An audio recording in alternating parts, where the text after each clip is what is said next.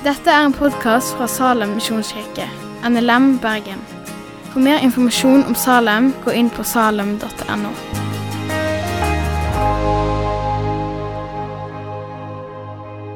I dag er det den tredje søndag i påsketida. Vi er altså midt imellom påskefesten og Kristi himmelfart. Og Det er to store høytider som vi feirer med i takknemlighet og med glede. Der Jesus i påska gjorde soning for våre synder, for all verdens synder, og viste seg som seierherre over død og djevel. Og På Kristi himmelfart så feirer vi at Jesus endelig stadfester sin seier med å sette seg ned ved Faderens høyre hånd.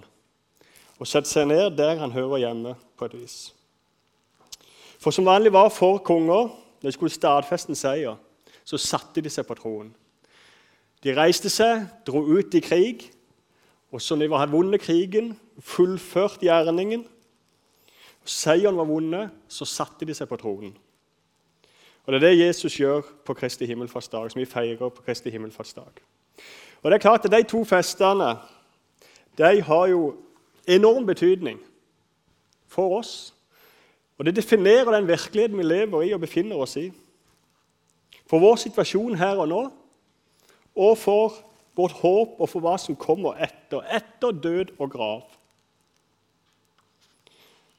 Vi feirer at vi har en forsona Gud at vi får leve våre liv med en åpen himmel og med en forsona Gud og med en visshet om at Gud elsker. Det er det vi feirer i påske. Og vi kan leve med forventning om en oppstandelse på den ytterste dag.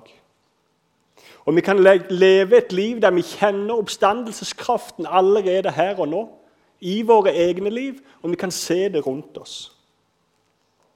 Og så lever vi i forventning om at han som satte seg ved Faderens høyre hånd, en gang skal reise seg igjen. Enda en gang. Og skal han komme og skal etablere rett og rettferdighet. Endelig skal rett og rettferdighet seire.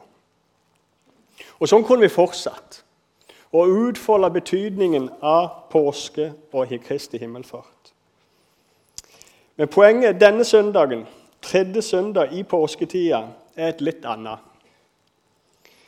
For i dag så markerer vi og merker oss og legger merke til det bemerkelsesverdige i at det gikk over en måned fra Jesus demonstrerte og viste seg som seierherre over døden og over djevelen, til han satte seg og stadfesta den seieren ved å sette seg ved Faderens høyre hånd i himmelen.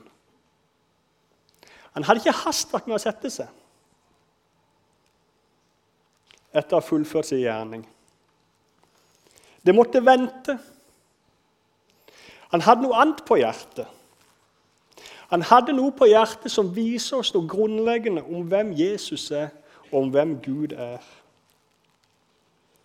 På et vis var det ikke nok for Jesus å bare vinne seieren. Det var ikke nok for Jesus å bare etterlate seg ei tom grav. Ei tom grav i seg sjøl er jo litt tvetydig. Og Du ser det jo på usikkerheten til disiplene. Når de hører rykter om denne tomme grava, så skjønner de ingenting. Og det var nettopp det som var Jesus på hjertet. De forvirra disiplene. De fortvilte disiplene. Derfor tar han seg tid til å oppsøke en gråtende og fortvila Maria Magdalena. Han tar seg tid til å oppsøke en gjeng med redde og innelåste disipler så det en ekstrarunde for å få møtt den skeptiske og tvilende Paul Thomas. Så tar han seg tid til noen forvirra Emmaus-vandrere. Og så tar han også litt ekstra tid med en skamfull Peter der med Tiberiasjøen. Han oppsøker dem, han bruker tid på å oppsøke dem for å trøste dem og for å forsikre dem om at han er virkelig oppstanden. Jesus opptrer som en hyrde som oppsøker og samler sammen flokken sin. Sin hjelpeløse og redde og fortvila flokk. Og så er det det som er tredje søndag i påsketida. Det er hyrdesøndagen. Og Vi merker oss og minnes hvordan Jesus gikk rundt som en hyrde og samla sine spredte sauer. For Hyrdesøndene gjør oss oppmerksom på at Jesus er ikke bare seierherre. Han er ikke bare en mektig seierherre, men han er en omsorgsfull seierherre. Og så inviteres vi i dag òg til et nytt møte med denne omsorgsfulle seierherren. Og så inviteres vi til å minnes alle de møtene vi har hatt gjennom livet. Der Jesus tok seg tid til en ekstra runde med meg og viste sin omsorg overfor meg. Sånn som han gjorde det for Maria Magdalena, for Thomas og Peter og alle de andre disiplene.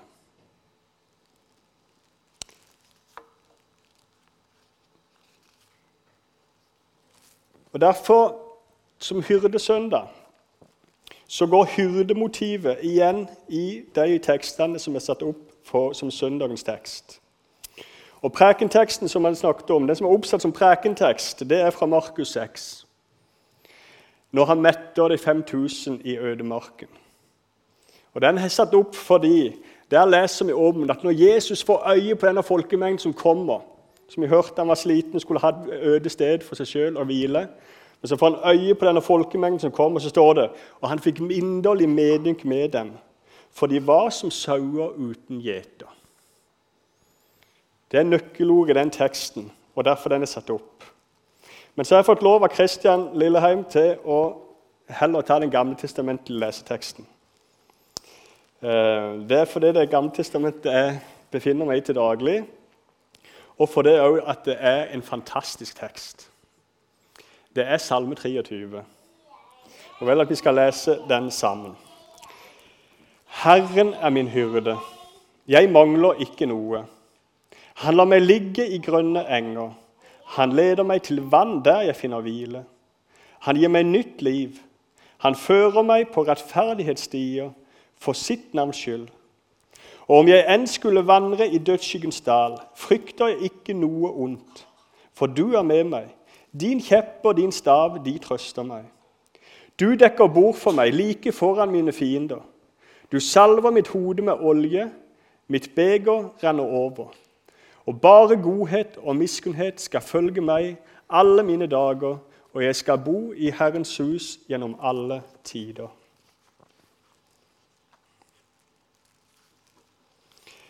Hyrdemotivet finner vi mange plasser i Bibelen. Og Kanskje mest kjent er Johannes 10, der Jesus sjøl sier 'Jeg er den gode hyrden, som gir sitt liv for fårene'. Eller lignelsen om denne gjeteren, denne hyrden, som forlater de 99 for han må finne den ene, den siste, som han mangler. Og Så kjenner vi mange av disse tekstene. Men hyrdemotivet det har dype røtter. og Det forekommer ikke bare mye i Bibelen, men det har dype røtter i det gamle Midtøsten. I, mange, eh, i mye annen litteratur enn bare Bibelen. Og da ser vi at hyrdemotivet først og fremst er et kongemotiv. For, som kongemotiv så kombinerer det to viktige ting. Det kombinerer det at kongen er mektig, og så skal kongen være omsorgsfull. Det var idealet for kongen i det gamle Midtøsten. Den mektige kongen som var rettferdig og god, og som beskytta og sørga for sitt folk. Men så viser historien oss at makt og omsorg altfor ofte framstår som to motsetninger. Vi sier ofte det at makt gjør noe med mennesker. Og Vi har sett det gang på gang at makt gjør noe med mennesker. Og at mennesker blir seg sjøl nok. Og at de slett ikke har omsorg for andre mennesker. Og Det ser vi mye i Det gamle testamentet og i Bibelen. Om kongene sier profeten Esekiel i kapittel 34, hvis vi får opp den teksten. Ved Israels gjetere, altså det er konger kalles gjetere, som bare gjeter seg selv, er det ikke sauene de skal gjete. Dere spiser fett og kler dere med ullen og slakter de beste dyrene, men sauene gjeter dere ikke. Ikke har de styrket de svake, ikke helbredet de syke, ikke forbundet de skadde, ikke hentet tilbake de fordrevne, ikke lett etter de bortkomne, men med makt har de hersket over dem. Og sauene ble spredt, de hadde ingen gjeter, de ble til føde for alle slags villdyr. Hvor ofte har vi ikke sett det i historien? At det er sånne gjetere rundt forbi i denne verden. Men så heldigvis så finnes det òg gode eksempler. Det finnes noen som klarer å kombinere makt og omsorg. Og Det beste eksempelet er jo Jesus sjøl. Og nettopp i etter oppstandelsen så går han rundt som seierherren og tar omsorg og viser omsorg for sine disipler. Han er virkelig den gode hyrden, som kombinerer makt og omsorg.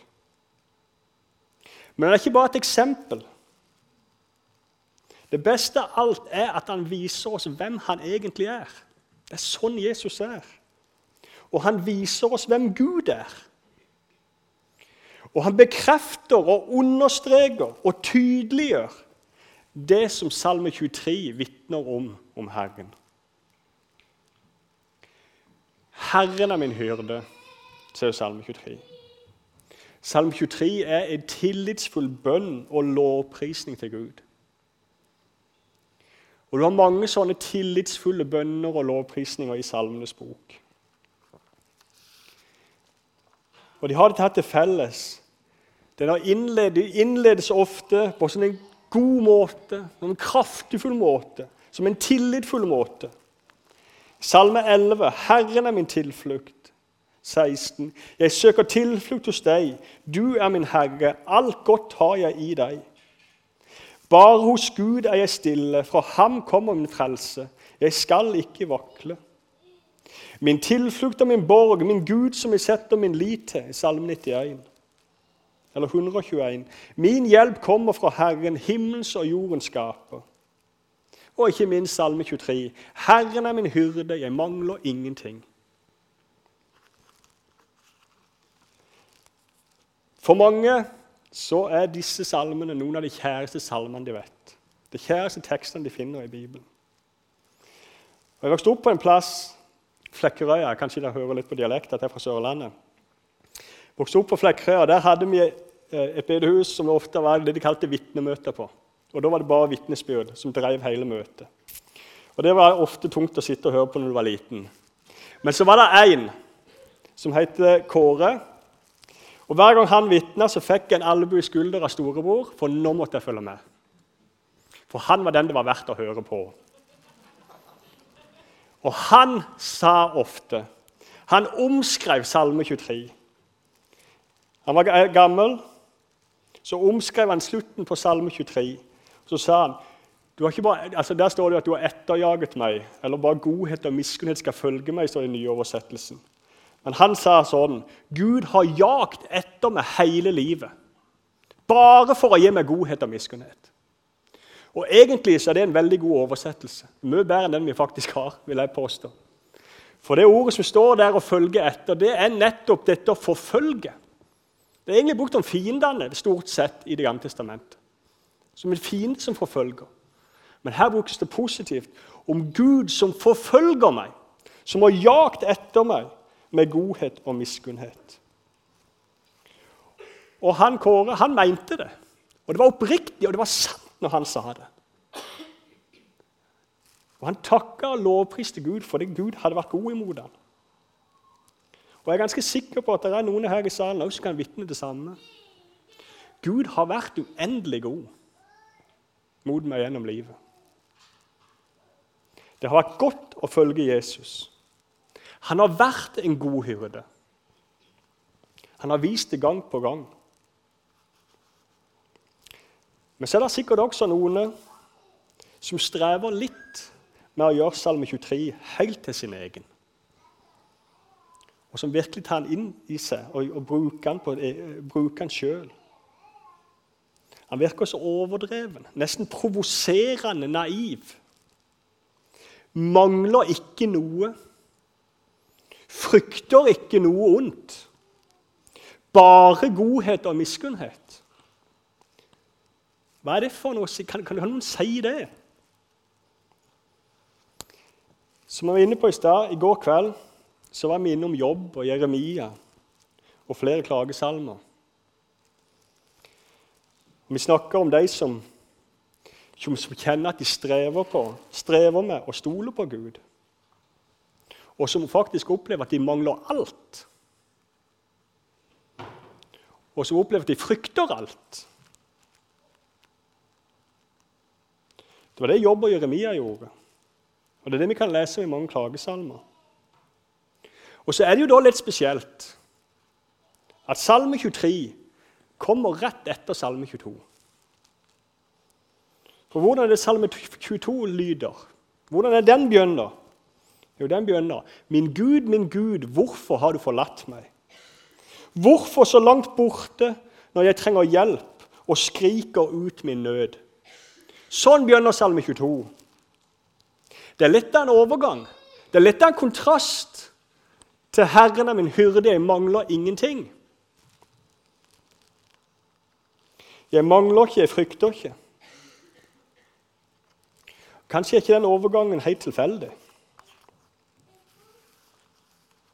For spenningen mellom Salme 22 og Salme 23 reflekterer vel ofte spenningen mange av oss kan kjenne på i livet. Hvordan det kan bevege seg fra at man i tider, og for noen i veldig lange tider, må skrike ut et hvorfor. Og som kjenner på gudsforlatthetens mørke. Men så kommer Jesus som en hyrde. Så får han oppleve det òg. Og så kan han si 'Herren er min hyrde, jeg mangler ingenting'. Hvor godt det er når han kommer. Og Det var akkurat det som skjedde med disiplene òg. De satt der hjelpeløse, redde, sørgende, fortvilte og forvirra etter at Jesus var død. Og Så hører de et rykte om at han er stått opp igjen, og de skjønner ingenting. Og så kommer Jesus. Så møter han dem, og så viser han seg som den gode hyrden. Og Så går det noen dager, og så står Peter i Jerusalem og proklamerer Jesus er oppstanden. For en forandring! Det er den samme spenningen som du har mellom Salme 22 og Salme 23. Så kan vi kanskje ane noe litt av det i våre egne liv. Så kanskje er det ikke så tilfeldig at Salme 22 og Salme 23 følger etter hverandre. Men når det er sagt, så er heller ikke Salme 23 så naiv som man kanskje kan få inntrykk av og kunne anklage den for. For hovedsaken, har lett for å henge opp i dette uttrykket 'jeg mangler ikke noe', 'jeg frykter ikke noe', og bare godhet og miskunnhet. Og så mister vi poenget. Poenget i salmen er at Herren er den gode hyrden som tar seg av sine. Og Det er tre små observasjoner eller poenger i teksten jeg skal løfte fram. For det første Det står i teksten at han lar meg ligge. Han gjør sånn at jeg får ligge i grønne enger. Og så leder han meg til vann der jeg finner hvile. Det står ikke at han har gjerda meg inne på et område av grønne enger og med vann der jeg finner hvile men at han leder meg til det. Teksten sier ikke noe om hvor du kommer ifra, hvor han har ledet deg fra. Hele teksten beskriver, hele Salme 23 beskriver egentlig en reise og en bevegelse om hvordan hyrden leder. Og det er den endelige destinasjonen, det endelige målet, det er at jeg skal bo i Herrens hus gjennom alle tider. Det er den endelige destinasjonen i Salme 23. Og så beskriver Salme 23 en reise med Herren som hyrde, der han leder til vann og hvile, der du finner hvile. Men ikke gjør det inne.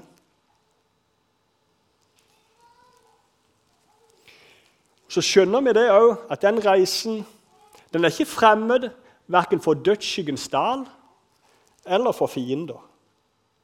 Det nevner salmen. Men poenget er at hyrden vet hva flokken trenger. Og hyrden vet at hans sine trenger steder med hvile. De trenger noen grønne enger. De trenger mat og drikke. Derfor dekker han bord for dem. Så de får nytt liv og ny kraft, og de trenger trøst. Gud vet hva du trenger. Og han er den gode hyrden som er mektig nok til å gi deg den hvilen du lengter etter. Som er mektig nok, omsorg nok til å gi den trøsten du trenger. Som trøster, og som dekker bord. Igjen litt sånn som Jesus der ved Tiberiasjøen.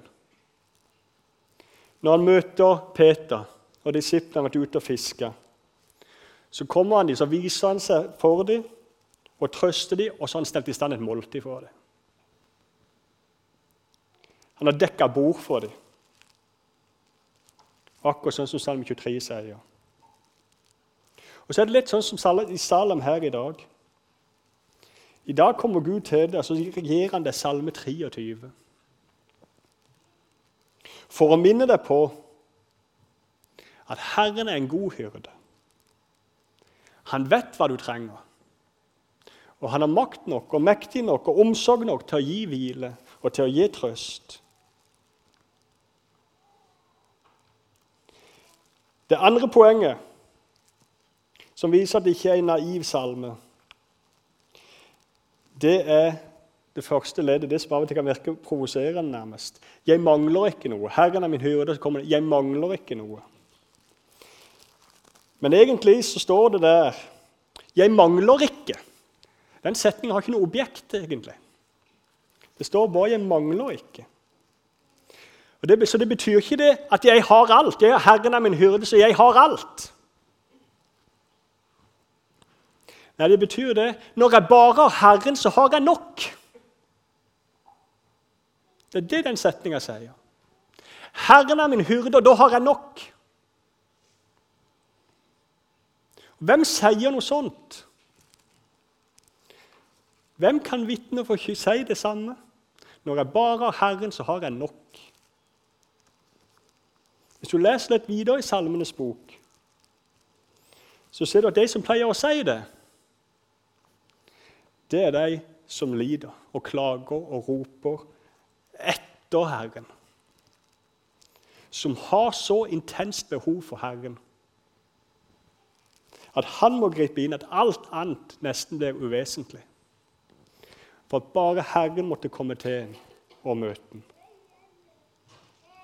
Sånn som vi leser i Salme 73, vers 25. Der har du en som har vært i kamp. Og Så slutter han med dette. Hvem har jeg ellers i himmelen? Når jeg, har, når jeg er hos deg, har jeg ikke glede i noe på jorden. Jeg har nok med Herren.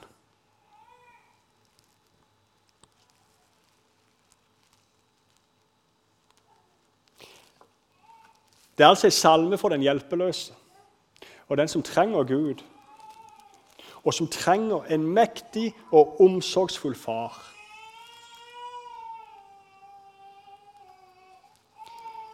Igjen sånn som disiplene. Når de var fortvila og redde og usikre. Det de, sist, det de først og sist trengte, det var at Jesus kom til dem og møtte dem. Og viste dem omsorg. Det siste poenget fra Salme 23 som jeg har lyst til å løfte fram, det er det uttrykket 'for sitt navns skyld'. For sitt navns skyld. Gud er den gode hyrden for sitt navns skyld. Det betyr Gud kan ikke noe annet. For Hvis han ikke er den gode hyrden, så må han fornekte seg sjøl. For det er hvem han er. Gud er den gode hyrden. Og han er det for sitt navns skyld, for det er den hvem han er.